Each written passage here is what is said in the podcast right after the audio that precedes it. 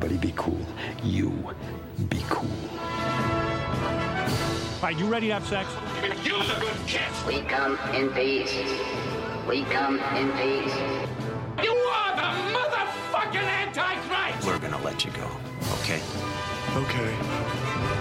Film er best på radio. I'm gonna make him an offer he can't refuse. Nova Noir.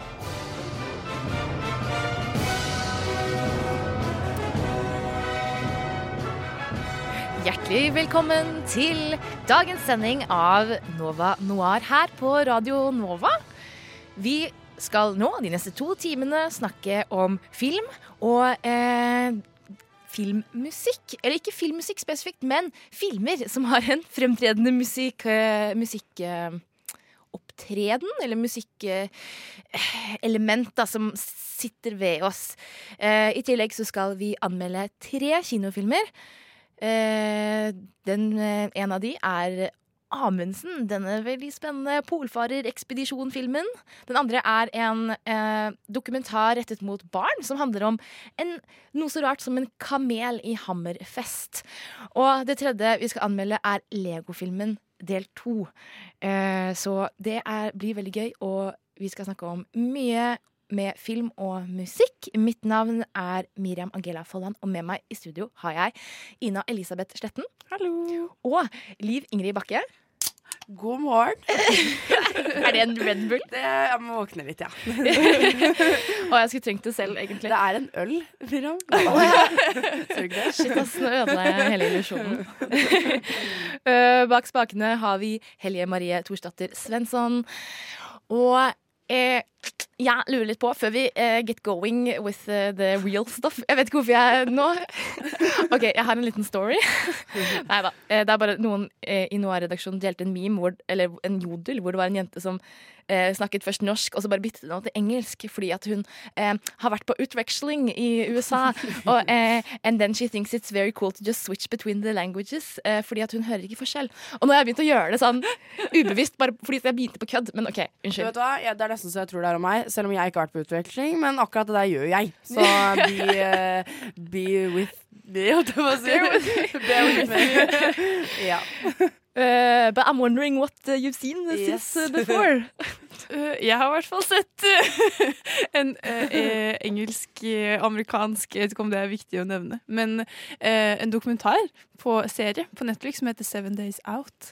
uh, som er veldig kul, og som handler liksom om at hver episode da er en, en uke før et stort event. Så første episode er eksempel Westminster Dog Show i USA. Og så er flere av episodene der åpningen av verdens beste restaurant. Og eh, en uke så er de i NASA, for de skal krasje en sånn satellitt eh, i Saturn. Og så følger de og så masse, masse spennende, sånn som Derby og eh, Chanel sitt motshow og sånn. Og det er dritkult. Eh, for da Man får se alt som går inn i en Ja, sånn event. og alle menneskene, og det er så mye sånn I NASA så er det, det var veldig mye fokus på damene og sånn, for det er veldig mange damer nå som er med i NASA, og det, det er så kult å høre historien deres, hvordan de kom med i NASA, og det var liksom De har alltid fått, hatt verden mot seg, på en måte, fordi de var litt sånn rare og smarte og ikke helt sånn damete, da, men så har de fått en dritkul jobb i NASA, for eksempel.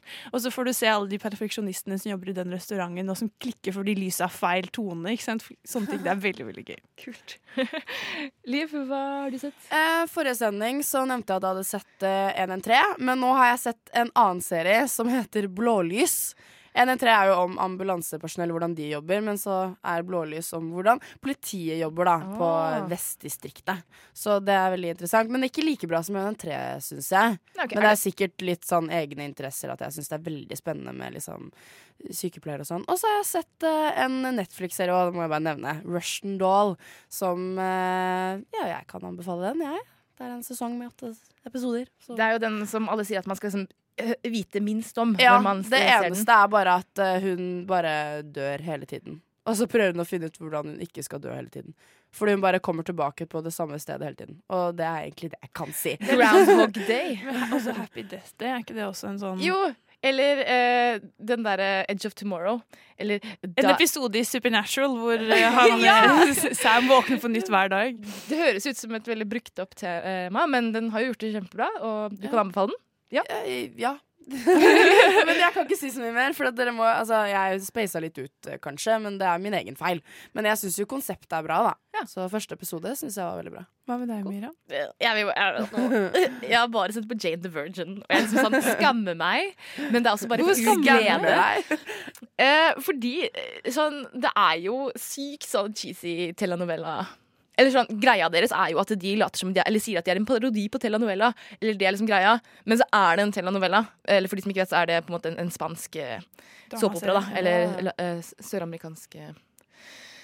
Men syns du det blir for drøyt? liksom? At det blir litt for dramatisk? Nei, jeg sluker det jo. Men da må du ikke skamme deg, da. Men jeg skammer meg fordi det Ja, er så det er såpete. Det er sånn guilty pleasure, nesten. da Ja, litt. Men det er Ja, jo også litt. veldig bra, da. Jeg vet ikke. Det får jo masse sånn Tonys og sånn hele Jeg tiden. husker jeg så første sesong, og da, det er jo litt søkt at hun liksom har blitt uh, befruktet fordi Eller sånn, det er liksom det er, Greia er jo at hun blir befruktet med en feil, for hun skulle egentlig bare ta en test eller noe, men Ja. så ble hun inseminert eller et eller annet. Ja, det Ja. er veldig rart. Og så blir så hun forelska med han som er inseminert, og så har hun aldri sex. Og det er liksom greia, da. Men uh, det er sykt gøy. Ja. Så uh, jeg vil anbefale det. Eh, Unnskyld. Uh, Keres skal vi høre nå. Farvel eh, melanko melankoli fikk du der med Caress. Eh, nå skal vi over til den første musikalske eh, øyeblikket som eh, vi skal snakke om i dag. Men jeg vil bare først også tipse deg om at fordi at sendingen i dag skal handle så veldig mye om musikken.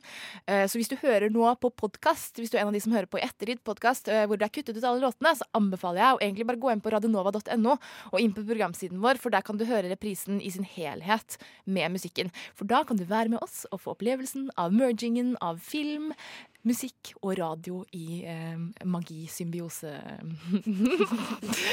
ja. Vakkert, vakkert. ja. Eh, Den første filmen vi skal snakke om, eller første øyeblikk vi skal snakke om, er Ferris Bueller's Day Off. Som jeg syns er eh, den desidert liksom mest undervurderte Eller ikke un I Norge da, så føler jeg at den er veldig undervurdert uh, av, uh, som en John Hughes-film. da The, Break, uh, The Breakfast Club blir jo veldig sånn Alle elsker den, og alle har sett den og digger den. Eh, men samme mannen er jo bak både First Beauters Day Off og uh, 16 Candles og uh, Jeg husker ikke den siste, men det er mange da, sånne type filmer. Sånn, han var jo kongen av tenåringsfilmer liksom, på 80-tallet. Eh, ja. Det jeg syns er så kult med Ferris Bueller's Day Off, er det, det er det du skulle ønske du gjorde når du skulka på skolen. Og det er det jeg husker jeg så den når jeg gikk på sånn ungdomsskolen eller noe. Og det var sånn Shit, altså, for har ikke jeg eller sånn kul sånn at jeg bare tar med vennene mine og bare stikker og gjør masse kule ting, istedenfor at jeg bare ditcher fordi jeg ikke har lyst til å ha en presentasjon på skolen. på en måte. Ja, og sitter et eller annet sted og bare ja, Eller ligger hjemme og sover. Ja, og det, Jeg føler den handler veldig mye om å Uh, leve i nuet. For det er jo det på en måte Ferris Bueller Han er jo på en måte en rocker. Uh, men det handler jo bare om at han ikke har lyst til å bli voksen, og ikke har lyst til å på en måte kanskje leve i det stresset av skole og konformiteten. da. Så de bare tar en dag hvor de liksom bare gjør akkurat det de vil.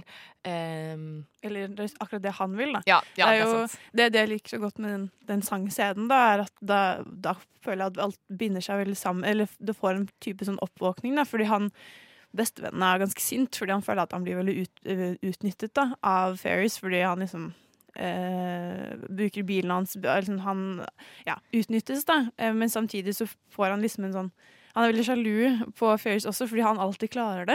Alt går, alt går liksom hans vei. Og det syns jeg er så fint med den eh, sangen og den, det, det nummeret i den paraden. da, At du liksom føler at Ja, det er et veldig fint øyeblikk der, hvor alle får liksom sagt følelsene sine på en veldig fin måte. Jeg liker det veldig godt. Det er veldig sant. Og ehm, det, han, eh, det som skjer da, i dette øyeblikket, er jo at de kommer inn til byen. Hvor de har, de har kjørt inn til byen, og så kommer de, og så eh, plutselig så, finner de ikke Ferris. Og så ser de at han er, det er en svær parade, og så er han på en av paradebåtene, liksom. Eller båt, det man sier. Eller parade... Ja. Eh, Det er, det er vel sånn Float, sier man på engelsk. da. Ja, kanskje. Eh, og, synger, og liksom mimer til en låt og bare tar helt av. Og han lever så sykt i det og bare klarer liksom bare Jeg har ikke noen hemninger.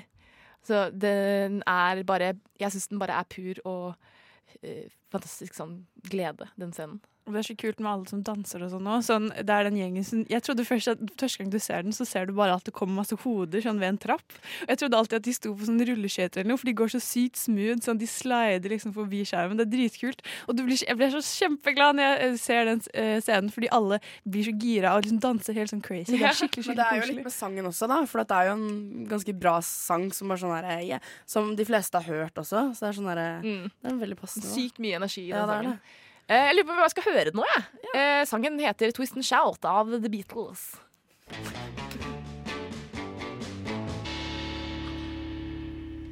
Twist and Shout eh, der altså med The Beatles. Det er jo deres versjon av denne låta. Eh, Det er ikke, jeg tror ikke det egentlig er deres originale låt, men den er på den første plata deres, og de gjorde den versjonen, og den er så sykt mye kulere og med mer energi enn originalen. eh, om det er lov å si. Eh, men når det er The Beatles, så føler jeg at det er lov å si. Ja. Den andre filmen vi skal, eller øyeblikket, musikkøyeblikket vi skal snakke om, er Almost Famous, som vi har lagt mye helst på tidligere i Noir-sendinger. Eh, spesielt det musikkøyeblikket, eh, fordi Almost Famous da handler om en sånn videregående kid som får en eller annen syk mulighet til å skrive for Rolling Stone Magazine, hvis han da får denne intervjuet med et sånt legendarisk band. da.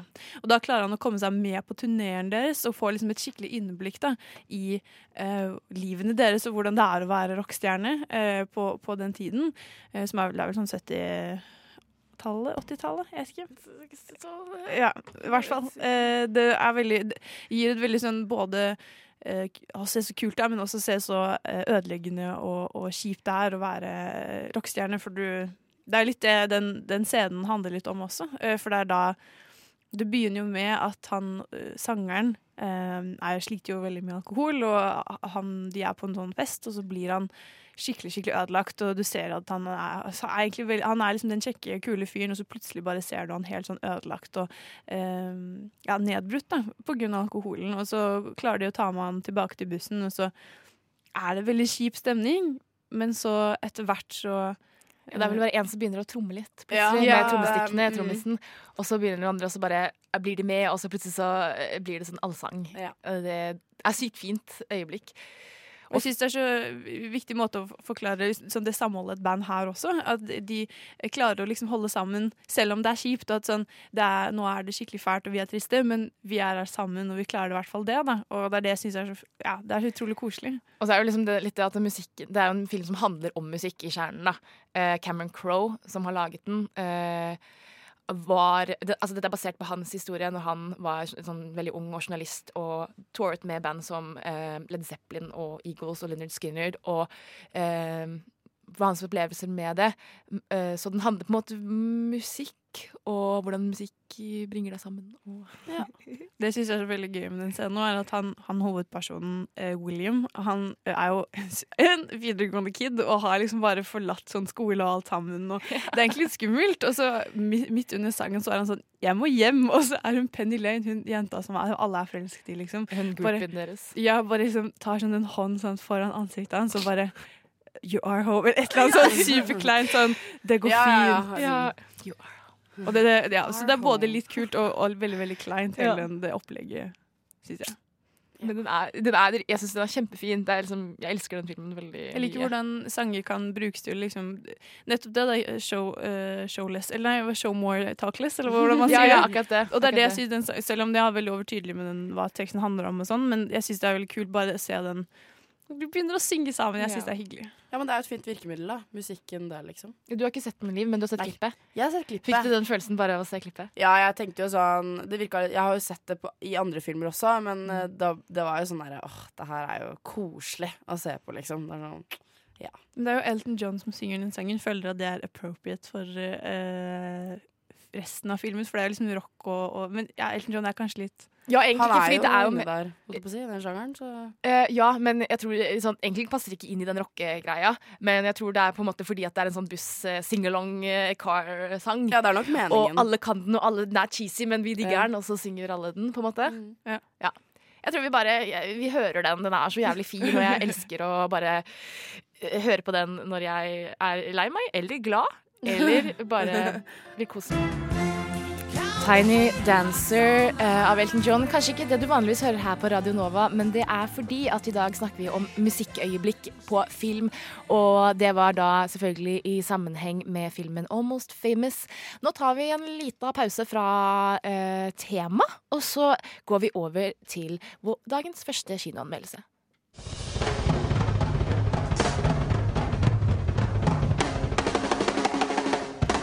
Nova Noir presenterer ukens kinopremierer.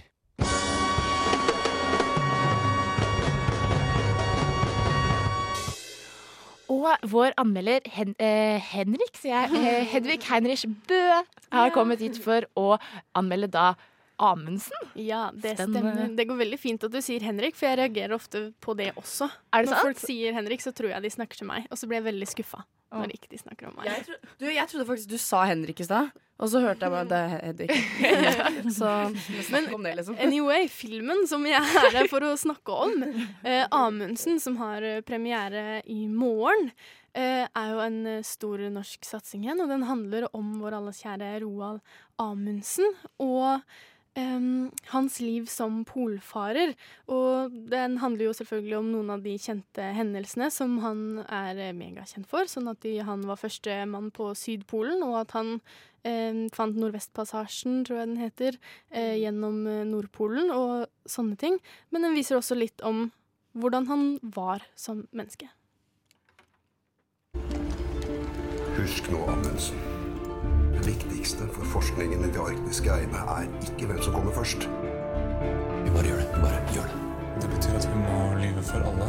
Tenk på hva som skjer hvis dette går bra. altså, tenk hvis det går. This is no longer an expedition. It's a race. Har jeg uttrykt meg uklart? Jeg kunne like gjerne vært på en fremmed planet, vi. Og da tenker du altså at det skulle være uten risiko? Wow. Sykt eh, dramatic. Dun, dun. Kan du eh, eh, si litt mer om, eh, om filmen? Er den, Mm. hva, er den bra?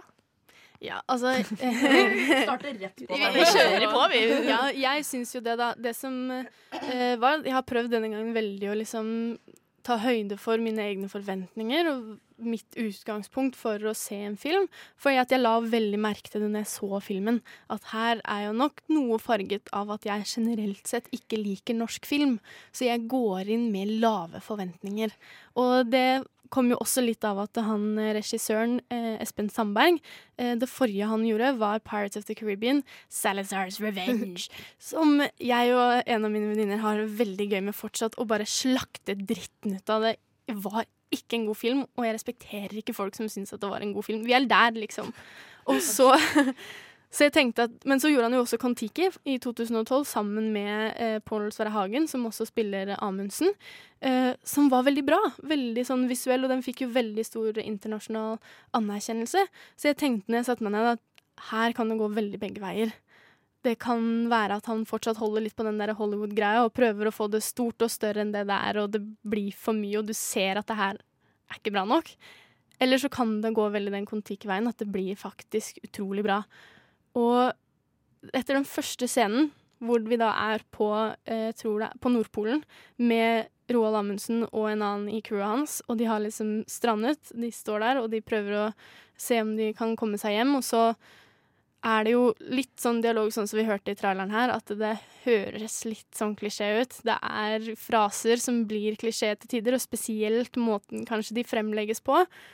Sånn at traileren på en måte lover jo heller ikke noe godt, da, syns jeg. Jeg syns ikke traileren gjør denne filmen liksom, Den spiller ikke filmen god, da. Eh, og, og jeg da så den første scenen, så var jeg veldig sånn å nei. Fader, altså. Nå, dette blir ikke bra. Det blir kleint. Og som jeg nevnte i den forrige sendingen hvor vi snakket om dårlig norsk film, at det blir cringe-worthy. Men så ble det ikke det. Jeg har bare et spørsmål angående nettopp norsk filmsending vår. Er det noen som sier Hva som skjer her nå, egentlig? Det må jo jeg la, selvfølgelig. Jeg satt på tuppen av min stol for å følge med om de sa det. Og dessverre, og jo selvfølgelig veldig bra, for vi syns det er bra når de ikke gjør det. Men eh, de sa det bare én gang. Og Men det er fortsatt én gang. Det, Det var var, sånn men det var berettiget, og da føler jeg at det går ikke under den eh, kategorien av lættis, hva er det som skjer her nå? Fordi det var berettiget. Så da måtte jeg la den gå, faktisk. Jeg hadde veldig lyst å le av det, men så var det sånn faen, det passer jo litt inn. Helvete. Ja. En annen ting er jo sånn, som dere snakket om med norsk film, er uh, ofte resirkulering av skuespillere. Og sånn som du sier, han Pål Sverre er jo med i både den Kon-Tiki og den her. eh, og, Og Trond Manus. Espen Seim er med den. Ja, og Max, i Max Manus, som han også har regissert. Eh, Jeg lurer på hvordan eh, funker skuespillerne i denne filmen? Ja, nå vet jo dere andre her at jeg har blitt forelsket i Pål Sverre Hagen etter at jeg så denne filmen. Eh, Hva var det du kjøpte du leide på biblioteket i stad, Henrik? jeg har jo nå blitt frelst, og jeg måtte si det til Tale, vår norsk filmelsker, at uh, jeg tror det skjer noe med meg. Og jeg er redd for det som foregår. Jeg skjønner det ikke helt, men jeg tror jeg begynner å bli frelst av norsk film. Jeg Wow. tror jeg begynner å bli nerd. Og jeg, jeg liker det ikke. Jeg er redd. Jeg håper det slutter. Jeg er uenig. Det er kjempebra å like norsk film. Jeg elsker norsk film. Ja. men jeg må jo det nå, da. Nå liker jeg det jo. Men så skuespillet var bra, ja, da. Ja, og jeg lånte Kraftidioten og Buzz Aldrin. Hvor ble det av deg i jo Som Pål Sverre Hagen er med i. Fordi uh, my love, my homie, my homedog. Vi hadde, vi chatta. Mm. Ja, vi hadde et intervju. Det får dere høre neste uke. Ja. Uh, Eh, så, men ja. skuespillerne blir jo aldri ferdig. Skuespillerne var også det som jeg syns dro denne filmen veldig opp. For jeg har jo også, som vi har snakket om tidligere, at jeg er litt sånn skeptisk til norske skuespillere, og norsk på film sånn generelt, som språk. Men i den filmen her så ble jeg bare etter den første scenen, og litt sånn Pål Sverre Hagen uti der, så klarer de å dra seg opp. Pål Sverre Hagen spesielt klarer å dra seg opp veldig etter hvert, så blir det mye mer troverdig mitt problem er at jeg ikke tror på det. Jeg syn- syns ikke det høres ekte ut, og jeg tror ikke på det. Men i den filmen her så var jeg bare overveldet av hvor mye jeg trodde på det, hvor bra det var. Og spesielt Christian Rubek, som spiller broren Leon, eh, var også bare sånn helt fra starten av bare sånn wow. Men eh, hvor mye dialog er det? Er det dial veldig dialogpreget, eller er det mer sånn Det er mye, det, liksom. det er liksom. mye dialog. Ja, det er det, ja. Eh, ja. Ja, Og, da skjønner jeg at, og, eh, og det gjør jo bare hele greia enda mer overveldende, spesielt da fra Christian Rybek sin side, at, eh, at det var veldig ekte, syns jeg. Og jeg håper jo nå at jeg ikke liksom overspiller den for dere, og at dere drar og ser den og syns den er dårlig. Uh, det eneste, et av problemene med filmen er at den er noe flat. Den prøver kanskje litt å være Eller den nærmer seg liksom Hollywood-film eh, ganske mye. Jeg tenkte ikke noe over at den var norsk da jeg så den. Den var bare en film, noe jeg syns er en positiv ting. Uh, men den blir litt flat, og den prøver kanskje Den mangler litt sånn spenningsmomenter, litt sånn forklaring på hvorfor bør jeg se denne filmen. Det mangler den litt. Sånn at du, du blir ikke helt sånn overbevist om at jeg nå har sett noe veldig sånn berikende for livet mitt. Men for meg så ble skuespillerprestasjonene noe som bare dro det veldig opp igjen. Og jeg satt gjennom hele filmen og bare ah, wow. Og jeg følte at jeg lærte veldig mye nytt om Roald Amundsen, og fikk sett han i et nytt lys, da. Som jeg føler det er viktig for en sånn type film. Ja, fordi det er litt sånn, øh, han har jo både Max Manus og Kon-Tiki, og faren er jo at det blir litt sånn eh, patriotisk og litt sånn nasjonalistisk, nesten. sånn Yes, Norge! Se på alle heltene våre! Vi er best! Eh, problematiserte de eh, Roald Amundsens oppførsel og måten, måten han var på? Da, for han er jo ikke, er ikke en plettfri karakter. Absolutt ikke. Og det Altså, absolutt ikke. Han er ikke en plettfri karakter, men absolutt tar de høyde for det i filmen. Uh, det er jo nettopp det, og i mitt lille intervju med Pål Sverre Hagen og diverse andre, så kommer det også veldig fram at det har vært et poeng i denne filmen. At uh, han var et menneske òg, og, og vi elsket jo liksom dritten ut av Fridtjof Nansen, og han er liksom opphøyd i våre øyne som en sånn fantastisk person. Mens Roald Amundsen husker vi kanskje litt mer bare som en sånn det han gjorde. Og det kan være fordi at eh, han rett og slett var Man hadde eller kanskje litt sånn ambivalent forhold til han. Han eh, led, holdt jeg på å si, med sånne gåseøyne at eh, um, eh, At, at em, han led litt av at han, var veldig, han ble neg veldig negativ, hadde veldig mange negative tanker om engelskmennene som på en måte undertrykte han litt, eller undertrykte hans bragde litt og sånne ting. Så jeg syns at filmen klarer det veldig godt, å legge fram den siden av Roald Amundsen også. Ikke bare sånn se på vårt Norge selv, se så flinke nordmenn er, Mm. og sånne ting. Det er nok visse aspekter ved det, at vi hyller oss selv, men jeg syns filmen klarer liksom å trekke fram de andre sidene òg, da. Men det er, en, ja, det er jo en del terningkast tre ute og går her, da. Mm. Den får veldig mye sånn Den får en del på sånn at den eh, prøver å være noe den ikke er, og at den er flat, som jeg nevnte også, og, og at eh, Ja. Men det høres ut som du har likt den. da. Hva, hva tenker du? Jeg likte den veldig, og jeg vil at folk bare skal ta litt høyde for at jeg til vanlig ikke liker norsk film. Så det kan hende at jeg har blitt litt overveldet. Nei, du trenger ikke, å- jeg føler du ikke å liksom unnskylde. Nei, må det er din mening. Det er det absolutt, og det er derfor jeg har gitt den en syv av ti. For jeg Ah. syns den er veldig, veldig bra.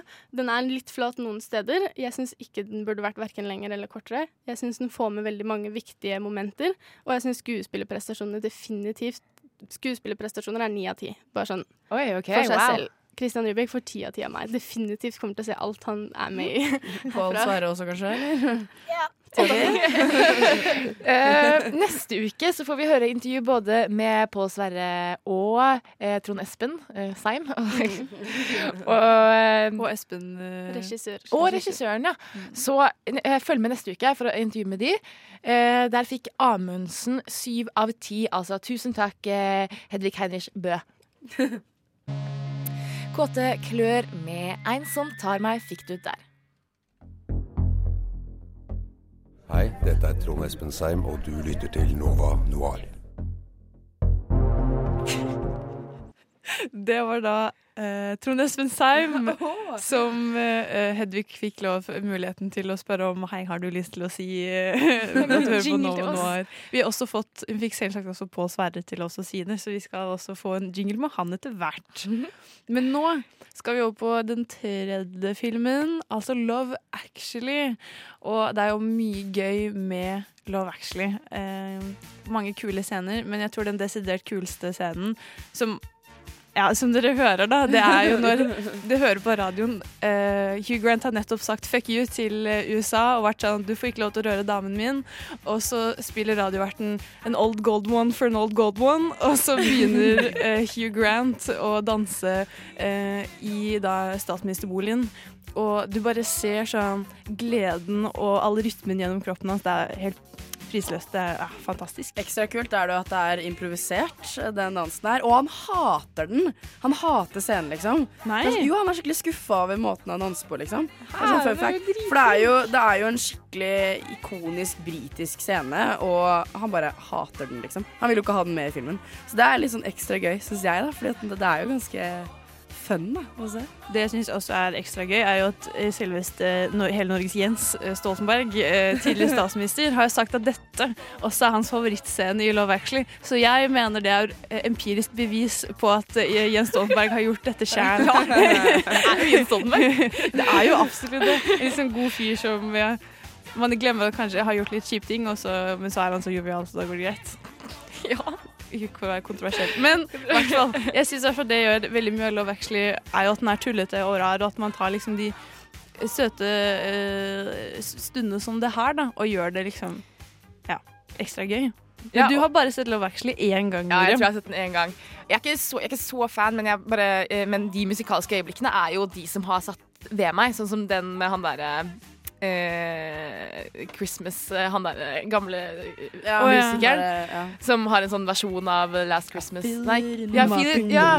Christmas is all around Ja, den husker jeg veldig godt. Og så husker jeg også den der han, kid, han kiden er forelska i hun jenta, Ja, og så ja. synger hun. All I want Ja. for Ja. Christmas Is you And you, and you. Sykt koselig. Uh, ja, så jeg liker veldig godt de delene. Jeg husker ikke så mye av det andre, utenom Alan Rickman som er utro og sånn. Den Ja. andre absolutt viktigste musikalske eh, scenen i Love Actually er jo når uh, oh, husker jeg ikke hva hun heter, Nanny McPhee sitter eh, inne på rommet sitt og hører på Joni Mitchell etter at uh, Ja. Alan Rickman har vært utro uh, og gråter og er skikkelig ah, Det er den fineste scenen. Oh, men hun er kjempeflink, og den Ja, den har veldig gode skuespillerprestasjoner i den filmen. Den måten hun klarer å liksom late som at det går greit, selv om du ser at det ikke går greit. Det er så mange lev nivåer da, av skuespillerprestasjoner inni der at jeg bare wow.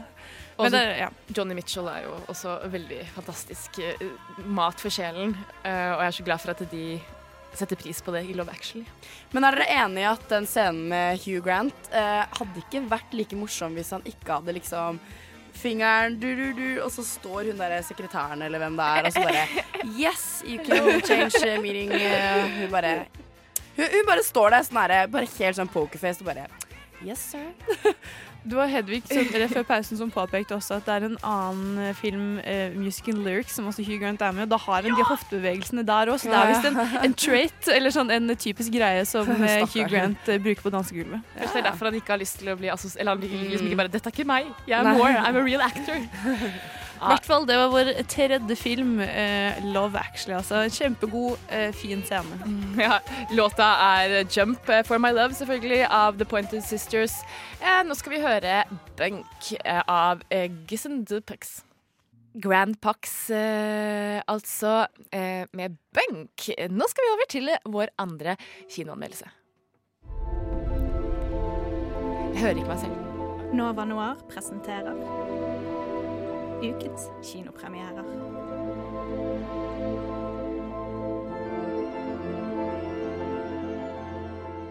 Ok, Sorry for at eh, denne sendingen blir så sykt sånn radioteknisk dårlig, men det er fordi at jeg glitcher i hjernen min på uh, når det er rødlys, og også at jeg ikke hørte meg selv, som du hørte at jeg sa nå. Um, Miriam, du skal ikke kommentere på det her. Når jo, det man skjer. Bare go. nei, man må når det skjer så De første gangene kan man uh, ikke kommentere på det. Tekniker heller Når det rister skjer på hodet. så mange ganger, så må jeg bare som, unnskylde meg selv, for jeg føler meg så sykt noob. Nei da. Ja. En anmeldelse! Ja! Nå er det en filmanmeldelse. Og i den anledning så hørte du nå en mannestemme. Eh, endelig en mannestemme inni miksen her. Tage Ja. Rivas Tollefsen, du har vært på kino. Eh, Det har jeg, eh, og det var selvfølgelig veldig koselig, for jeg var med kjæresten min på pressevisning. og er det hver- lov? Hæ? Er det lov? Oi, det kan ikke du innrømme. Jeg mener, det var min eh, kollega fra Nova Norge, Ja, selvfølgelig. Ja. uh, god valentines til henne. Sitter og hører på nå. Men vi var og så Kamel, og det er en norsk eh, dokumentar. Uh, hvor vi møter en eh, familie som bor langt oppe i nord. Og gutten i denne familien ønsket seg hest, men det syntes ikke faren var kult nok, så de kjøpte seg kameler. Før bodde vi i Hammerfest, verdens nordligste by. Så flytta vi enda lenger nord, til Sørøya. Egentlig så var det hest vi ønsket oss.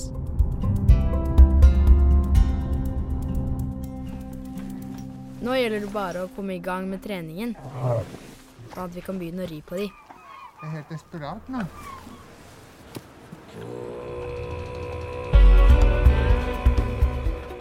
Ok, men Jeg hører noen sånne mm, lyder og musikk som høres ut som det ikke er fra Norge. Men er den, den er satt i Norge? Ja, de bor på Sørøya, som er liksom enda mer nord for Hammerfest, hvor de bor helt i starten av filmen. Og eh, filmen er fortalt eh, gjennom øynene til eh, Tor Arin, som er den yngste gutten i familien. Han bor sammen med søsteren eh, Svalin, og så er det faren, og så er det moren. Og de er veldig sånn, eh, hva kan man si, en familie som eh, prøver å Mitt inntrykk er at de vil bo litt for seg selv. De vil ikke eh, følge den eh, normale måten å bo på, så de har liksom bare flytta veldig nord og driver ting for seg selv med eh, fiskeslakteri og har kameler og gjør veldig mye forskjellig. Og de er liksom eh, De er litt sånn off the grid, og det syns jeg er litt morsomt å se.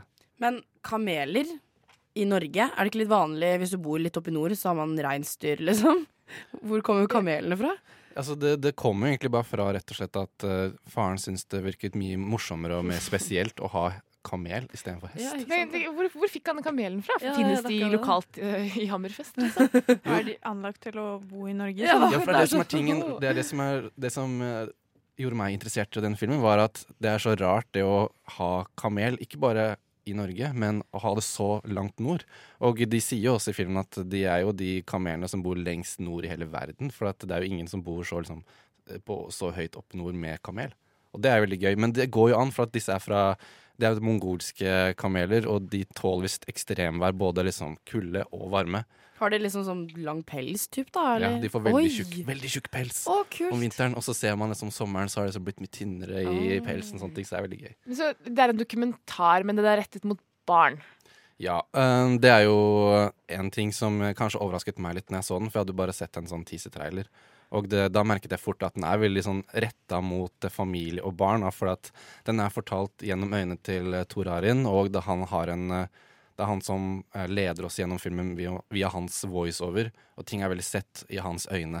Typ som han sier sånn Faren min han kan alt mulig rart. Han kan fikse biler og bygge hus, og han, han er skikkelig kul. Altså, så jeg er veldig sånn, når jeg så det her og jeg skjønte at hele filmen kom til å bli sånn, så tenkte jeg ok, den her er litt mer retta mot de yngste. Og den føles litt sånn NRK Superaktig ut. Ok, men Føltes sånn litt klisjé ut, på en måte? Uh, den er ikke nødvendigvis klisjé, men den, er, den tar ingen sjanser eller overrasker deg i måten den forteller en historie. Det vil jeg ikke si. Og den er veldig sånn uh, enkel i måten den forteller historien, for den er veldig sånn De har kameler, men de har et lite problem. De veit ikke hvordan de skal trene til å ri på de. Og det er liksom det som er det som driver historien i denne dokumentaren frem. Da, at de skal finne en, mongolsk trener helst som kan gjøre sånn at de kan endelig ri på eh, bord og besla, som er det kamelen heter, da. Eh, Så, men de drar jo fra helt eh, nord i Norge, og så er de i Mongolia. Og jeg bare ser for meg de klimaforskjellene, øhm, og kanskje det filmatiske. Er, det, er den veldig pen? Se for meg at den kan være veldig pen, eller er den bra filma? Ja, det jeg likte best med dokumentaren, var egentlig at du fikk eh, liksom bo litt i en verden som man ikke vanligvis bor i. Altså typ at eh, du blir kjent med familien deres dagligliv, og at f.eks. at uh, Tor Arin går på en skole hvor det er til sammen på hele skolen ti elever. Nei. Hvor de er liksom delt inn i Wow. en klasse for de yngste, som er kanskje sånn, jeg vet ikke jeg De er noen som er litt yngre, og så er det de som er litt eldre. Og han er liksom yngst i den eldste klassen. da. Og det er jo veldig ekstremt uh, i forhold til hva vi er vant til. Og det er litt interessant å se at, uh, hvordan det er å leve sånn. da. Og Det syns nesten det var mer fascinerende enn uh, kamelene. Men det så er veldig gøy, fordi at um, han er utrolig glad i de og veldig opptatt av de. Hele familien sitt liv og dreier seg rundt hele den der kameloppdriften eller å ta seg vare på de og prøve å trene og sånne ting. Så det er veldig interessant å se folk som lever veldig, veldig annerledes fra meg selv. da. Ofte når jeg ser dokumentar og dømmer hvor bra jeg syns den er, så går det ut ifra hvor, liksom, hvor mye de klarer å holde på oppmerksomheten min. Um, så jeg lurer på Klarer den her å holde på oppmerksomheten din hele veien?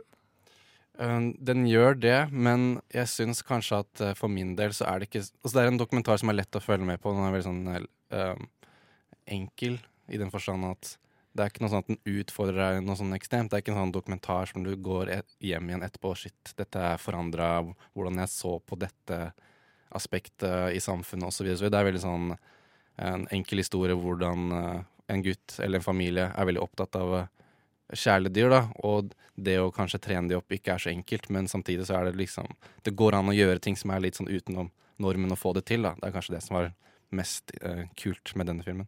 Uh, men uh, vil du gi den en karakter fra til ti? Ja, altså for min del, det kanskje det som trekker den mest, er at den er um, interessant, men den er ikke en sånn film som på en måte forandrer livet ditt, eller er en sånn dokumentar som jeg føler som er sånn viktig. Altså jeg har sett dokumentarer i mitt liv som jeg liksom tenker sånn shit, dette er sånn en dokumentar som er viktig og har veldig sånn stor sånn innflytelse på mange folk. Det er hvordan folk ser på uh, ting, for eksempel Blackfish, om Mm. hvordan det er å ha eh, altså dyr i fangenskap og sånne type ting. Mens den her er mer sånn, veldig sånn lettbeint og sånn, litt sånn småkoselig familiehistorie, da, som er eh, godt fortalt. eh, god, eh, gode bilder, fin natur. Veldig kul sånn, Du får veldig sånn kul atmosfære med strupesang, som vi hørte litt i traileren. Og jeg føler at det er litt sånt eventyr når du drar til Mongolia. De tar ikke fly, de kjører i sånn liten minibuss eller binivan, og det er veldig sånn eh, litt sånn morsom familie å følge med på, men samtidig så savnet jeg kanskje å bli veldig godt kjent med familien. Det er veldig sånn bare Tor Arin hvordan han ser på ting. Og eh, det er ikke noe sånn at de At eh, han som har laget filmen, Carl Emil Rikardsen, han er liksom ikke en eh, tilstedeværende filmskaper i den forstand at han intervjuer folk og spør spørsmål eller noe sånt. Det er mer sånn at du bare observerer, egentlig. Og, blir for, og det kan være veldig sånn fortellende at Tor Arin sier hva han tenker, Det er veldig sånn manusbasert. Ja. At han en voiceover. Den voiceoveren blir litt klein til tider. Okay. Han er ikke sånn Noen ganger så tenkte jeg kanskje de burde tatt det opptaket der på nytt igjen. For han roter litt i ordene, og han er liksom ikke den flinkeste gutten til å kanskje Jeg vet ikke.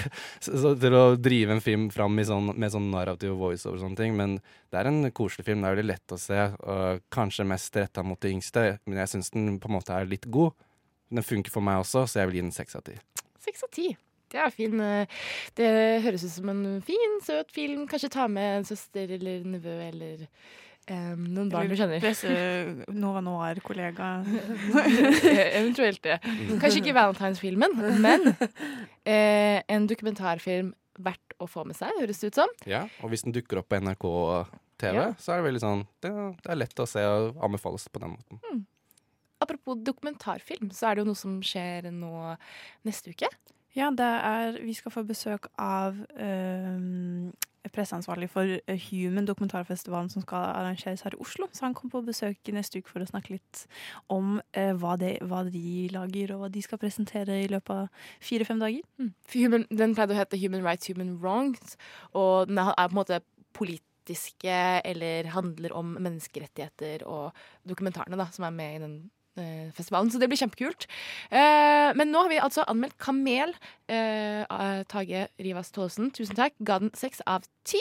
Vi høres eh, etter denne låta. Du og jeg.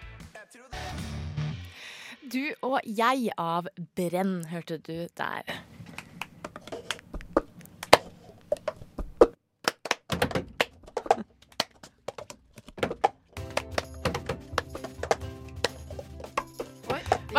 Med teknikken her? Det er mashup. Er det sånn den høres ut? Ja. Å ja. Nei.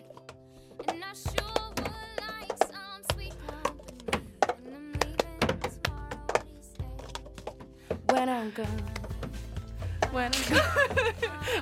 Det Jeg ikke til. Ja, ja. Ja, ja, men, hvis dere ikke har skjønt det ennå, så er det Pitch Perfect er det neste musikalske øyeblikket Ja, som vi skal snakke om. Det er jo veldig, veldig musikkfilm, egentlig. Alt der er jo egentlig musikk, bare at det er ikke musikal. Men det er jo, det er jo noe innovativt, da. Det, jo, eh, det handler jo om eh, Becca som starter på Barden University, og så kommer hun inn i en slags korgruppe, sånn a cappella girl group. Så bare drar de rundt og synger a cappella. Og så er det masse kjente sanger i den filmen. Eh, blant annet den her, som ble veldig kjent. Cup Song av eh, da Cup Challenge. Eh, Anna Kendrick, da, som eh, Og det, er jo så, det som var gøy med den, var jo at på en måte alle begynte å gjøre den teite koppegreia. Ja, det var sånn greie på sosiale medier der alle gjorde det. Og Ja. la det ut, og Vines og alt, liksom. Så vi tenkte at vi skulle prøve å gjøre det eh, Ja. til den låta, og Ja, gjøre ja. det veldig smooth, men det ble ikke smooth. Men ja, den scenen er jo veldig, veldig kjent, da. Så. Jeg husker bare at når jeg så eh, Pitch Perfect første gang, det var, den kom jo Den er ganske gammel nå. Eller ganske gammel, den kom under min EM-periode i hvert fall. Ja, i 2012, så det er jo et par år siden. Jeg husker at jeg ble så utrolig støtt fordi uh, Becca tror at hun er så sykt spesiell med den dumme eyelineren sin og den flanell-T-skjorten sin, og hun er sånn I'm so special, like uh, people don't understand me. Og så er hun sånn sykt dramatisk fordi ingen liksom Hun er så annerledes, da. Og husker jeg var sånn Du aner ikke hvordan det er å være annerledes, du. Din dumme Anna Kendrick. Å, herregud. ja, men jeg er litt med deg. Og uh, i, når hun gjør den kappgreia også, så er det jo sånn Jeg skal ikke synge den sangen som er uh, forberedt, eh, som var den Sinchi Bingan som alle andre sang. Men jeg skal ta denne koppen og lage min egen låt. Men jeg Ja. også elsket den. Eh, Så det er sånn eh, Men det er jo eh, veldig, veldig mange andre scener som er veldig bra. Sånn som eh, når vi snakka om eh, Almost Famous. Almost Famous. eh, da har de jo også sånn eh, De sitter i bussen og begynner med Uh, I have to the plane at LAX with a dream of cardigan. Og så bare begynner alle å synge, og så bare uh, venter på at hun da De peker liksom på hun Becca. Becka og bare hun syns egentlig det er teit. så jeg på my hands up, og så begynner hun å synge. Og bare sånn der, det er veldig sånn derre Å, koselig a cappella. Sånn, koselig. Så det er jo også en sånn scene. Eller så er det den derre jeg, jeg føler at den riff-off-scenen i første filmen er ganske kjent, da. Og det syns jeg er så kult. Det er så, det er så kult lagd, syns jeg. Ja, men det er kult at de Jeg bare kunne ønske jeg var med på det selv. Ja, det er den hvor de blander Ja, det er sånn herre The category is woman of the 80s, og så begynner de å synge, og så er det songs about sex, og så begynner den derre na, na, na, come on. Så avslutter hun jo hele greia med Shut down, good lord. Og så tar hun den, for da får hun på en måte vist hva hun kan. Og så begynner det der. Du har veldig liksom- fin stemme. Oi, ja, ne, takk. eh, Jeg kan bedre. Men, Nei, det var kjempefint. kommer en annen gang. Men eh, ja, jeg er enig, den er kul. Og når hun kommer den derre Ja, når hun rapper plutselig. ja, så bare, og det Going dance liksom- down to black the guy, Africa. Jeg Du er ikke så god til å rappe, men nei, Nei, nei, Men, eh, Men ja, ja. jeg syns det er veldig veldig kul uh, musikalsk film. Da. Det er jo veldig mye musikkinnslag, masse kjente sanger og kult uh, tenkt, syns jeg. da Følte du at de, at de har holdt i, i toeren og treeren nå? Nei. Jeg syns at det er underholdende. Jeg, jeg har Ja, sett treeren på kino. og men- Jeg, altså, det er jo kjempeteit, men det er jo for fjortisjenter som ja. syns det er gøy. Men Jeg jeg syns det det hadde vært kjempegøy hvis jeg, da jeg var 16 eller 15. Jeg har liksom. lyst til å melde meg på a cappella, liksom. Det virker jo så gøy. Skal vi starte starte Noahs a cappella-gruppe? For jeg også elsker a cappella. Du kommer til å bli sånn som Andy fra The Office. han har vært med, nei, å, for han har vært med i a cappella, og så er han supernerd. Sånn Ja, du vet alle de som når man synger Du vet du har alltid en venn som når man liksom synger til en låt, eller begynner å synge på en låt, så legger de seg i tæsjen. Har du den vennen? I tæsjen? Ja. Tæsj er sånn vet, vet, vet, vet dere hva tæsj Det er sånn man gjør for å liksom eh, harmonisere. Så hvis jeg synger eh, så er tæsjen liksom sånn. OK, jeg kan ikke. Ja, men det er- Eh, ja. Mens, En annen så du- tone. Tar en kano, vi. Men du legger deg Jeg tror det er akkurat to toner over Mm. eller under. Det er tersen, tror jeg. Ikke, Så en ikke er to to Hvis toner? det er feil. Uh, ja. Og da når du synger den, samtidig som noen synger den vanlige, så høres det jævlig flett ut. Ja, det er, og det hvis man er så klarer kult. det, så er man kul. Men det er også ganske Man har den vennen som alltid gjør det. Og det er Ja, ja. Er Liv, er Liv og Liv kommer til å bli den vennen etter at hun begynner med Ja, a sin. jeg sin. kommer på møte etterpå. Hvis det blir et stille moment, så skal jeg bare begynne å bare down. Baby down. Så skal jeg bare Kom igjen! Og så bare wow. Og så mm, Nei. mhm. Ja, har dere ikke sett scenen? For jeg synes det er så kul. For det er sånn herre- Egentlig er det ingen av jentene som er sånn De er litt sånn Hvilken sang er det her? Og så kommer hun derre Fat uh, Amy, er det ikke det? Ja. ja.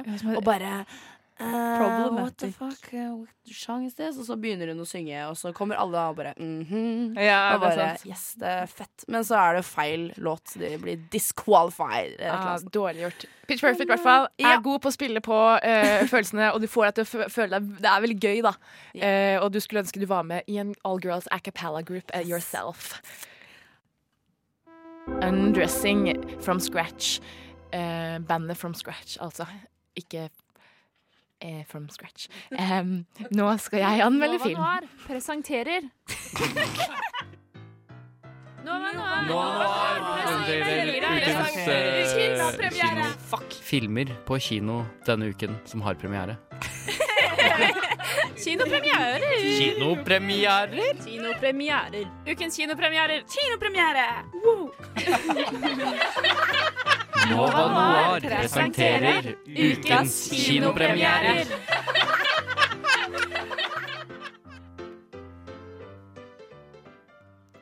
Da er det eh, den tredje filmen som skal bli anmeldt, og det er du, Miriam, som har vært på eh, kino, og du har sett Legofilmen to! eh, det desidert den spen mest spennende filmen i hele dag, eh, i min mening. Legofilmen var sånn I 2014 var det en av mine altså, absolutt favorittfilmer. Jeg var devastated for at den ikke ble nominert til Oscar. Nei. Jo, helt herregud. Helt på ekte. As Eh, if. jeg tør ikke å se den igjen, for jeg tror jeg kommer til å være sånn. Men jeg elsket den, syntes den var dritmorsom. Eh, gleder meg veldig nå til å se oppfølgeren. Klarer de å gjøre det samme? Var litt sånn spent. Eh, og den starter på en måte akkurat der hvor den slapp. Once, everything was awesome. Now, everything is bleak. Hey, Lucy. I brought you coffee. Coffee. The bitter liquid that provides the only semblance of pleasure left in these dark times. Oh my goshness. Did I interrupt you brooding just now? Times have changed. You need to change with them. We have to be tough and battle ready. Look, a shooting star. Make a wish. Man hører jo at den følger veldig opp i tonen til den forrige filmen. Um, og det jeg mente med at den starter akkurat der hvor den slutta, er at uh, den slutter jo med For de som ikke har sett noen spoiler alert, men uh, uh, den slutter jo med at de defeater lord business, eller blir venn med lord business, da, som jo da er faren. og eh, Spilt av Will Ferrell. Uh, spilt av Will Ferrell, som er sykt morsom. Uh, fordi at han, ok, Greia er jo at han har jo masse Lego. Han er sånn voksen fyr som elsker Lego. Og så er kidsa sånn 'Jeg vil også leke med Legoen din.' Og så fikk han egentlig ikke lov. Og så ender filmen med at faren blir myk og koselig igjen, og barna får lov. Og da er det ikke bare den gutten som egentlig på en måte er hovedkarakteren, eller hoved... eh, lekemakeren, holdt jeg på å si, i den første filmen. Men også lillesøsteren! Så det er det som både er konflikten, av at lillesøsteren bare ødelegger alt. Og det er derfor det er sånn ap apokalypseby da, i toeren. Um, ja, kult. Så de begynner med sånn apokalypseby, og så blir uh, noen av karakterene fra eneren abducted av eh, lillesøsteren sin eh, liksom, eh, Lego-greier. Så, og så må de inn i et annet univers, som liksom er hennes sånn rosa eventyrunivers. eh, på en måte da. Ja, det husker jeg. lurer på, Er det veldig sånn skjønnet sånn Du er en gutt, du leker med disse lekene, og du er lillesøster, du leker bare med prinsesser. Er det sånn? Ja, på en måte, men også nei. Fordi det er ikke bare sånn mm, søt. Det er liksom sånn, Ja, hun har veldig mye rosa, og eh, hun er jo en dronning, og liksom sånne ting. Men den karakteren som er liksom hovedkarakteren fra det universet, da, er veldig kul og fet og bare sånn mye mer, og den er spilt av Tiffany Haddish, eh, som er okay. veldig morsom og bare skikkelig bra stemme. Og, så det universet Jeg føler ikke Jeg føler at den er veldig skjønna sånn at den er veldig rosa og sånn, men at den er veldig kreativ og kul og spennende likevel, da. Hva med de hovedlego-figurene? For det er jo han, øh, han bygge, byggefyren ja, ja. som er veldig fjern. Ja. Og så var, ble han sammen med hun emo Eller hun De blir vel ikke ordentlig sammen med Lucy. Uh, wild style. Uh, de blir bare sånn best, super best eh, friends forever-type ting. Eh, så de er på en måte kjærester, men Men hvordan utvikler de seg i, i filmen? Ja, fordi det handler jo på en måte at hun er jo sånn tough girl. Eh, og Emmet er jo, som man hører, ikke så veldig taff Og det er på en måte mye av humoren i den første. Og de fortsetter egentlig litt eh, Tar tak i det da i toeren, hvor hun er veldig frustrert på ham. For sånn Times have changed, du må også change. Men han er bare sånn Oh man, I love everything is awesome. Eh, men så blir han sånn lei seg, fordi at han vil prøve å endre seg for henne. Og så handler det litt om sånn å endre seg, men også være seg selv. Så du føler at det er en god moral i det nå, da? jeg vet ikke. Jeg, vet ikke. Um, jeg syns at mye av dialogen var superklein. Dessverre. Jeg, jeg syns humoren var veldig bra i den første, og så var det veldig mange vitser som bare ikke traff i det hele tatt. Er Det helt meningen, da? Egentlig? Eh, det er meninga at de skal ha sånn teit humor. Hva er, hva er egentlig filmen passa? Hva er liksom alders... Uh... Det er alle. Eller i hvert fall den Ja, første. I for alle. alle, Okay. Barn Ja, og sånn, voksne. Nå, også voksne nå, men jeg syns at bare humoren falt veldig flatt. Og spesielt, jeg tror det kanskje handler med at de prøver å gjenskape den tonen som de hadde i eneren. Og mye av den tonen eh, krever at uh, man aldri har sett det før, eller at det er nytt. da. Uh, mens sånn som ofte skjer når man lager en oppfølger, er at man prøver å gjøre det igjen, og så føles det bare sånn uh, tacky, på en måte, og liksom um, kleint og snublende. Fordi musi apropos musikk, men vi, det, musikk var også et veldig viktig øh, virkemiddel i den første. Hvordan har de tatt det videre i toeren? Ja, fordi det er veldig gøy. Eh, fordi de har fortsatt det der 'Everything is awesome', og så har de en annen versjon av den som er veldig kul. Eh, men også så er eh, søsteren Jeg vet ikke om hun liksom liker musikaler eller noe, men hun er veldig glad i musikk. Eh, og hovedkarakteren driver og sånn, plutselig er sånn oh, Let's speak in the universal language. Music! Og så er, det sånn, oh, og så er Batman sånn Oh no, are we in a musical? Jeg vet ikke hvorfor han ble Cookie Monster nå, men eh, Og så synger hun og har sånn skikkelig kule sånn musikallåter med masse sånn dansing og koreograferte numre. Så det syns jeg liksom absolutt var et veldig pluss for filmen, da. Et annet pluss var også animasjonen. Sånn som i den første så er animasjonen, eller animasjonen og stop motion, da, som det er begge deler, eh, er bare så utrolig imponerende. Sånn eh, Og de Du får veldig den følelsen som Lego prøver å lage av at det er bare fantasien som setter grenser. Og det føler jeg at de har klart så veldig godt å gjøre både i eneren og i toeren. Eh, at de utforsker nye områder, og de er ikke redd for å gjøre nye ting og andre ting. Eh, selv om kanskje dialogen og humoren da, er litt satt er litt, eh, Sitter litt fast. Så er i hvert fall det visuelle og eh, jeg vil også si historiefortellingen også liksom ganske flott, da. Jeg meg, Det høres veldig kult ut, egentlig. For nå tenker jeg bare for sånn Jeg og lillebroren min, som er tre år yngre enn meg, vi lekte mye med Lego. Og så bare ser jeg for meg sånn herre Herregud, tenk å bare filmatisere den leken vi hadde med de, der du bare beveger på beina, og så bare går de, og så bare wow, så skjer alt det sånn. Det er jo så er kult at de det. klarer å liksom gjøre det. Men det er akkurat det den filmen gjør. Det er Ja, akkurat det som liksom er meningen med filmen. Er å klare å liksom gi deg den der magiske Mm. følelsen som bare skjer inni hodet ditt når du er barn, men som nå er filmatisert. Og det syns jeg de får til skikkelig bra. Eh, men uh, den får dessverre veldig trekk for det med at uh, dialogen er veldig klein. Og humoren er klein.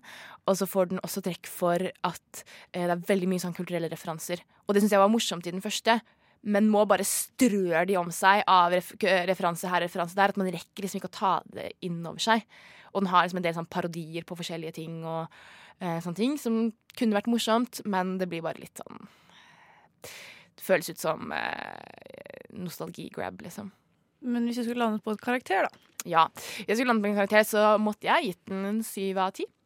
Der eneren er en soleklar ti av ti av meg. Eh, så falt den her litt ned, men jeg syns definitivt den var verdt å se. Og eh, det var en blanding av eh, sommerfugler i magen og heftig cringe. Og det bare gikk liksom i bølgedaler hele veien. Men er det sånn toeren slutter, og så bare Nå kommer det en treer. Så kommer det en firer. Så kommer det en femmer. Eller er det her bare Ah, toeren? liksom? shit, det tenkte jeg faktisk ikke på. Nei, i, i, det kan komme en to You never know? Ja, det var ikke noe sånn Fire år, så bare plutselig Eneren åpnet endte jo veldig sånn herre Oh no.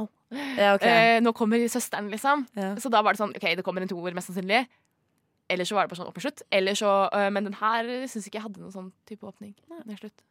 I hvert fall syv av ti til Lego-filmen 2. Og nå tenkte vi at vi skulle ha en liten throwback til den første og spille sangen fra eh, Legofilmen. Ja, nei, eller dette er faktisk the second part som er i øh, toeren. Oh, ja. Fordi det er en sånn eh, en litt sånn saktere, eh, nesten a cappella-versjon. Ikke a cappella, nei, Oi. akustisk. Det, liksom. uh, akustisk versjon som man hører på i toeren. Men det er den samme sangen fra eneren, da. Oh, La oss høre 'Everything's Awesome'. Everything is awesome fra den andre Lego-filmen som vi i Nova Noir ga, eller jeg i Nova Noir, vi eh, ga syv av ti. Nå er det tid. Yes! Da er det en ny film, da. Ja. And it's my favorite of uh, Seriøs, eh, den er jo fra 2017. Altså Baby Driver Yay. med sjølveste Ansel Elgort. Let's just take moments. Ah. Men uh, det her er sangen fra Syns du han er veldig søt? Han, om han er veldig søt, han er Jeg syns han er litt nerd. Nei, hold kjeft. Altså, ikke gidd. Husker jeg så uh, Love Simon nylig, og de er helt identiske. Hallo, The Ja, det Simon. Stars. Jeg, jeg ble jo forelska i han da, liksom. Og etter det så bare ah. Men Men, i den filmen her han er jo så jævlig fet. Sorry for um, sykt uh, språkbruk. Men i hvert fall veldig kort og godt. Det handler jo om Baby, som er en sjåfør. Uh, hyra for eh, å være supersjåfør da, for eh, folk som går og raner og sånn. Det her er sangen fra åpningsscenen, som eh, starter med et eh, overblikksbilde, og så kommer den der superkule bilen inn, da. Eh, og helt i starten så er det på en måte sånn Du hører den derre Og så er det bilde av alle personene, på en måte, for hver sånn at man får introduksjon av hvem filmen handler om. Og så er det bare en handling ut av den sangen her. Som er så kult, for det er så kult klippa. Det er masse bevegelse. Det er så kult filmatisert, og han synger til den, og det er sånn It's perfect. Ja, det er det som er så fantastisk med det, den scenen, er den klippingen. Fordi alt passer så utrolig bra. Den var jo også nominert til Oscar. Jeg trodde veldig lenge at den skulle vinne. Fordi det var så gjennomført, alle de små detaljene med at det akkurat var på biten at de klarte å bytte tema eller et eller annet sånt. Det var Ja, ja. skikkelig kult. Og den sa sangen her setter jo stemningen for resten av filmen også. Og det er sånn, Musikk er jo en superstor del av hele filmen. Og bare, jeg, Det er jo en rød tråd gjennom hele, så den, det er jo ikke bare at det her er den første scenen. Men akkurat denne scenen husker jeg så på kino eh, sammen med de som jeg har gått på filmproduksjon med, og vi satt der og bare Nå nikker jeg liksom på huet og bare yeah. Fy faen, så jævlig fett. Og det blir bare bedre og bedre, for det er så mye tempo med en gang sangen på en måte begynner. Og det er så kult fordi at uh, Nå er vi litt inn i det, da, men uh, det er når sangen begynner å få litt tempo, så gjør han ene som sitter i forsetet etter de har rana og kommet seg inn i bilen, så gjør han sånn Peker fram for at bilen skal kjøre fram, og så kjører han bakover. Og det er, sånn der, det er sånn kul effekt for at sangen bare starter, og så er det så mye som skjer, og det er bare sånn Nei, jeg, det, å herregud, hvis ikke dere har sett den, så se den, liksom. Ja. Det er seks minutters eh, klipp med hele sangen. Bell Barons, altså.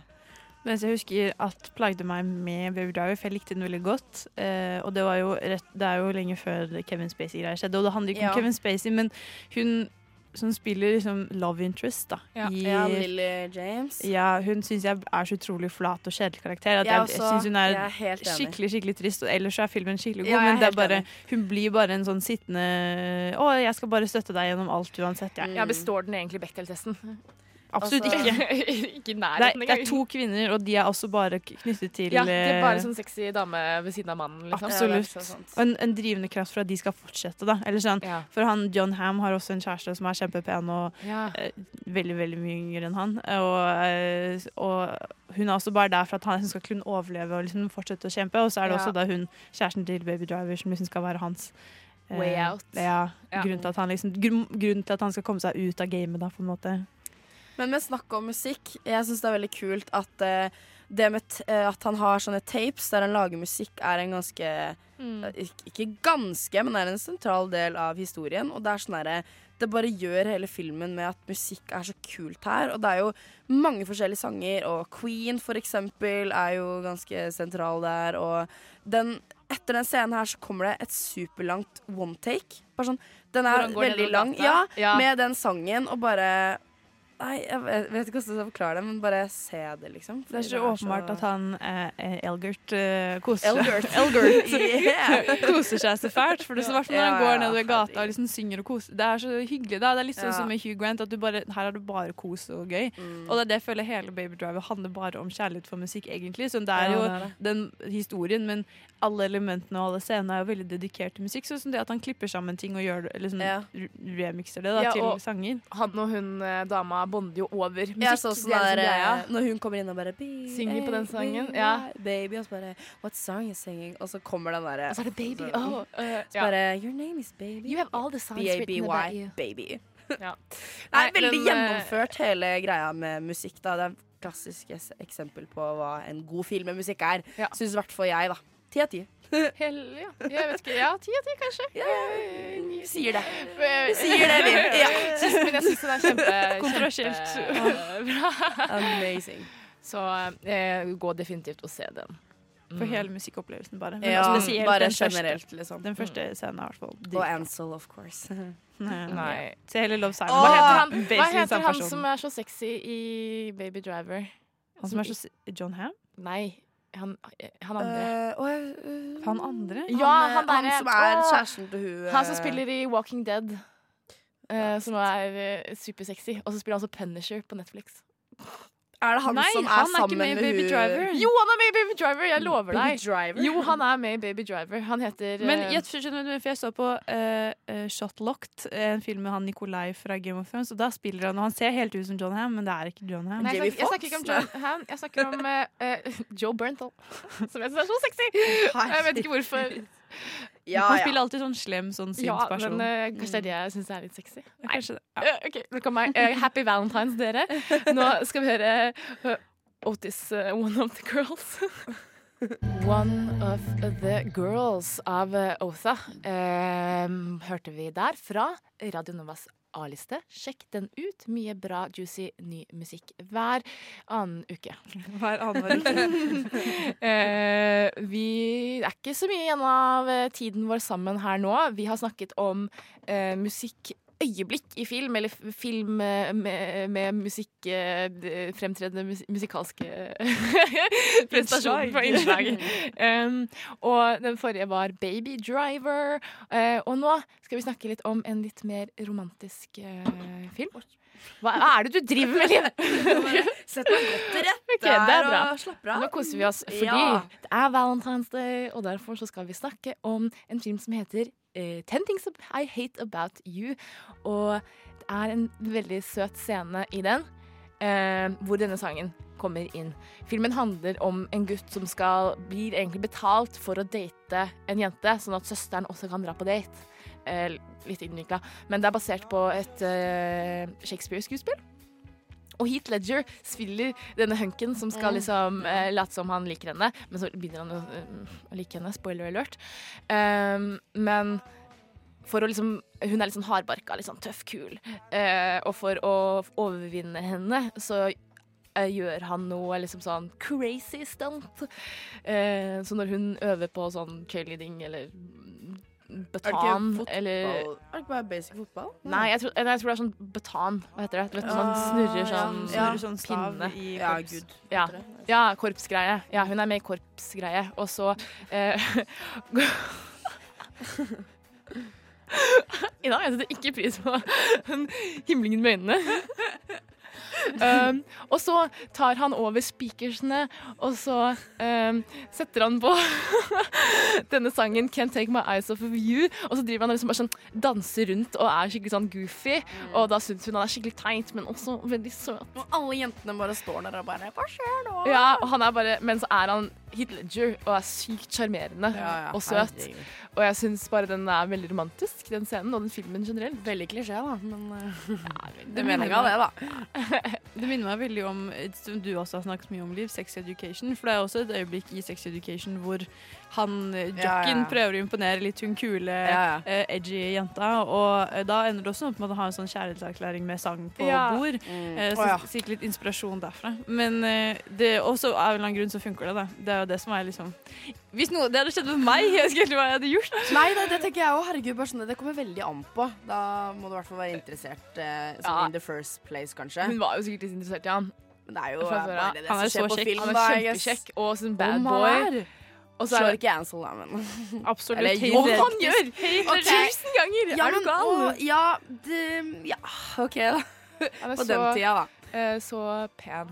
Ja, veldig. Men i hvert fall, Ten Things I Hate About You er jo en kjempefin film uansett. I hvert fall når det kommer til kjærlighet og sånn. Det, det er jo litt sånn shady greier som skjer også, men den er så søt og uh, hyggelig og handler egentlig bare I hvert fall hun uh, som han prøver å sjarmere, er jo veldig sånn rettferdig og skal være så sykt streng med seg selv og er veldig sånn Nei, jeg skal ikke falle for eh, deg, i hvert fall. Og er veldig sånn sår på det å liksom slippe andre inn til seg. Så det er jo Og veldig, veldig ikonisk den scenen der hun står og leser det diktet. Bare sånn der, you Og så Ja. bare gråter hun, og så er det real.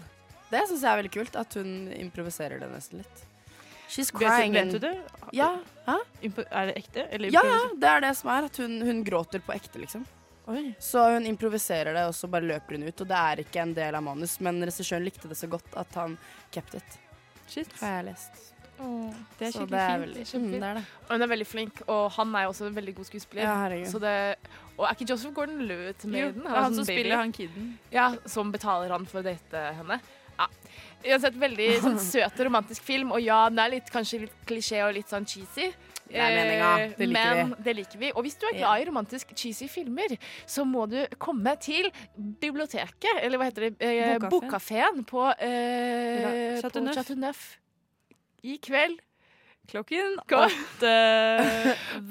Hva skjer da, Ina? Da er det eh, Nova Noir skal ha utesending, hvor vi da eh, fem eh, fantastiske uh, noirere skal eh, snakke om sine favorittkjærlighetsfilmer. Eh, og det blir masse øl og kos og ikke øl, og for dere som Vann. liker det. Eh, og det blir kjempehyggelig, da. Og det blir mulighet til å se ansiktene våre. Fordi Ja. jeg, det syns jeg er veldig fascinerende å tenke på. Hvem er det jeg, hvordan ser jeg ut i andres øyne? I andres hode? Andres hode, mener jeg.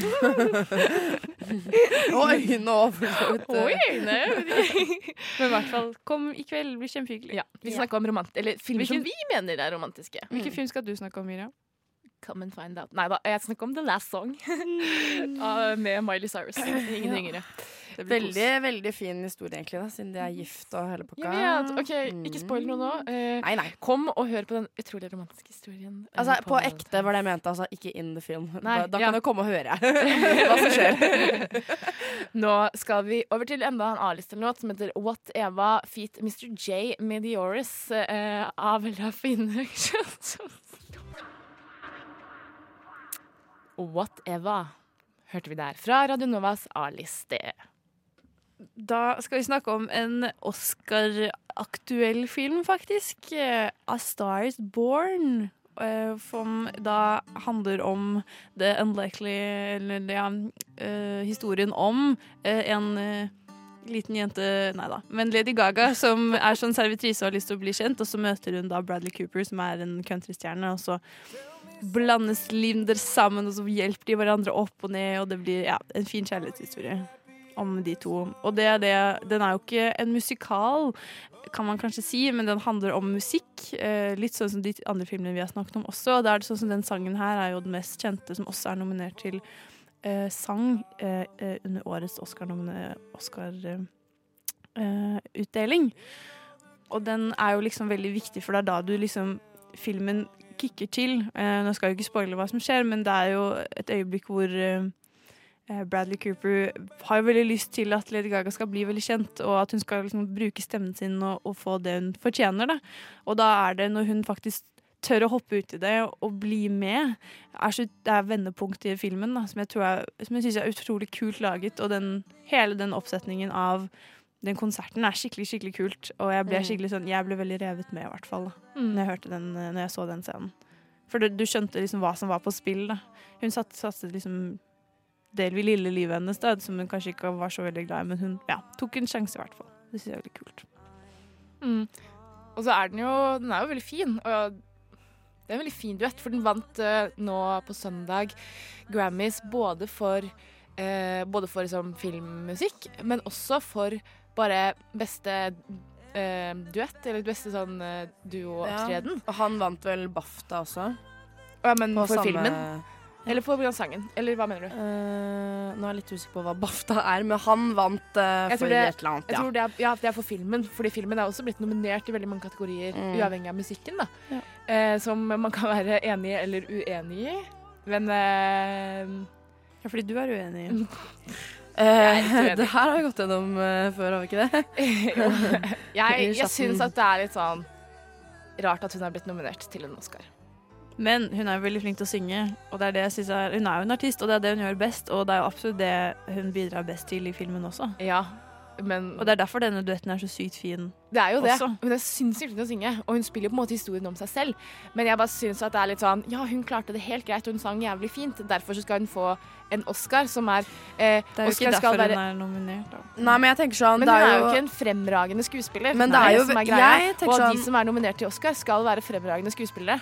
Jeg har ikke sett den, men creds til hun som klarer å være en så god skuespiller for å ikke være skuespiller, da. Det er jo flere som på en måte goes uh, that way. Ja, Så- og det er jeg helt enig i, for all del. Ehm, så jeg syns at hun gjorde en Jeg var sånn overrasket over hvor bra jobb hun gjorde. For jeg syns ikke hun var så flink i den derre American Horror Story. Eller sånn Når jeg har sett henne i liksom, Ja, ja. andre ting da, som hun har vært skuespiller i, syns jeg har vært veldig dårlig.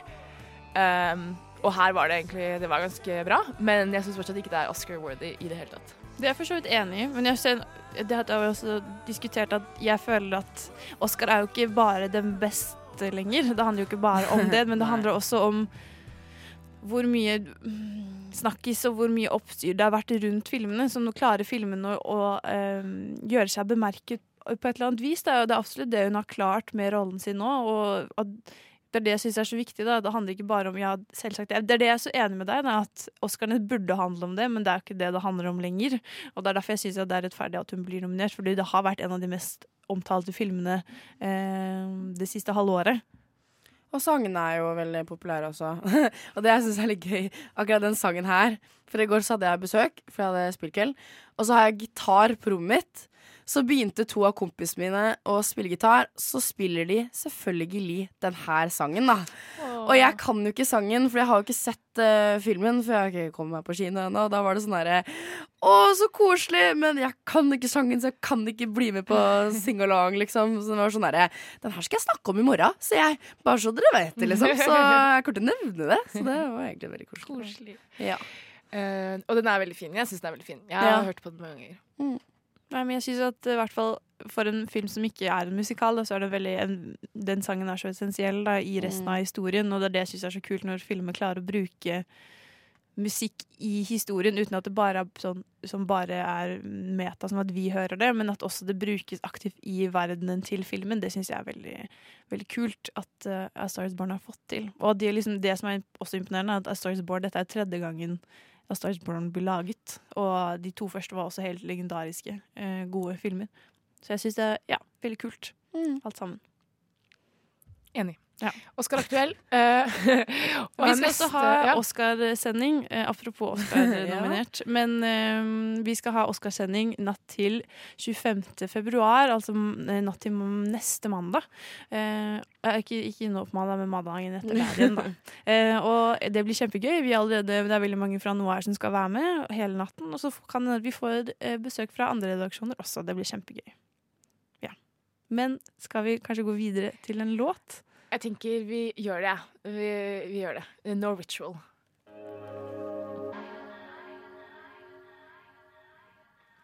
No Ritual av Chain Wallet hørte du der, fersk fra Radionovas A-liste, som du kan finne på våre nettsider radionova.no. Der kan du også finne vår programside med repriser og um, eh, artikler som vi har skrevet. Alle anmeldelsene våre blir også lagt ut der. Vår tid her i dag har, er nå eh, straks omme. Eh, Vi har anmeldt tre filmer som du kan gå og sjekke ut på nettsiden vår. Eh, Kamel fikk seks av ti, Amundsen fikk syv av ti, og Legofilmen to syv av ti. Så eh, ikke så dårlig, men ganske Helt OK. Helt OK kinopremierehelg. Ikke noe romantisk, men det er valentines i dag. Og i den sammenheng så skal vi i Noir ha en eh, livesending. Som er, eller en utesending. Dette her er jo live også, men eh, live ute blant publikum, blant folk. Noe vi kanskje ikke er så vant med. Eh, men hvis du vil komme og se trynene våre, se om vi har radiofjes eller ikke, så kom gjerne til Bokkafeen her på Chateau Neuf klokken åtte i kveld. Utenom det så har vi egentlig pratet litt om uh, musikkøyeblikk på filmer. Det vi mener kanskje er de beste, da. Eh, og det har vært veldig gøy. Jeg har kost meg med dere. Ja, det hadde. Det vært veldig gøy å mimre tilbake til alle de koselige scenene fra forskjellige filmer. Vi fikk ikke tatt med alle vi ville ha. Eh, eh, Liv hadde jo en liten honorable mention til eh, Hjemme alene. Ja, og så kom jeg på burlesk, siden vi snakka om Ja. A Star Is Born, som er også min favoritt. Det er jo egentlig- musikal, da. Ja, det er jo litt mer musikal. Og så Moulin Rouge Å, Moulin var vi også inne på. Ja. Moulin Rouge. Den er det Roxanne-scenen er eh, Molin. Rauge, den kan du prate om. så, ja, det er jo flere som Det er jo masse bra der ute, men uh, Og også uh, Wines World når de synger Ja. Bohemian Rhapsody i åpningsscenen. Det er veldig, veldig kult. Ikonisk. Den tok vi også ikke med. Vi tenkte kanskje det ble litt teit å spille Bohemian Rhapsody. Eller jeg tenkte på det. Bare fordi, fordi at det liksom Å nei, men hva med filmen Bohemian Rhapsody? Og så måtte vi ta opp det. Nei, jeg vet ikke. Men vi vil anbefale alle filmene, vil vi ikke det? Vi vil anbefale alle filmene vi har sett i dag. Snakket om i dag. Kjempekule. Eh, jeg har vært og er Miriam Angela Folland. Se meg i, i kveld klokken åtte. Innav eh, eh, Er du deg? Ja, ja, er du deg, eller er du meg, kanskje? Da jeg heter Ina, og du Liv. Nei? Livina. Nei, Livina. Livina Bakke. Livina Prayer. Vi er Bakken og Sletten i dag. Ja, Det er jeg heter Ina Elisabeth Sletten. Jeg er da Liv Ingrid Bakke.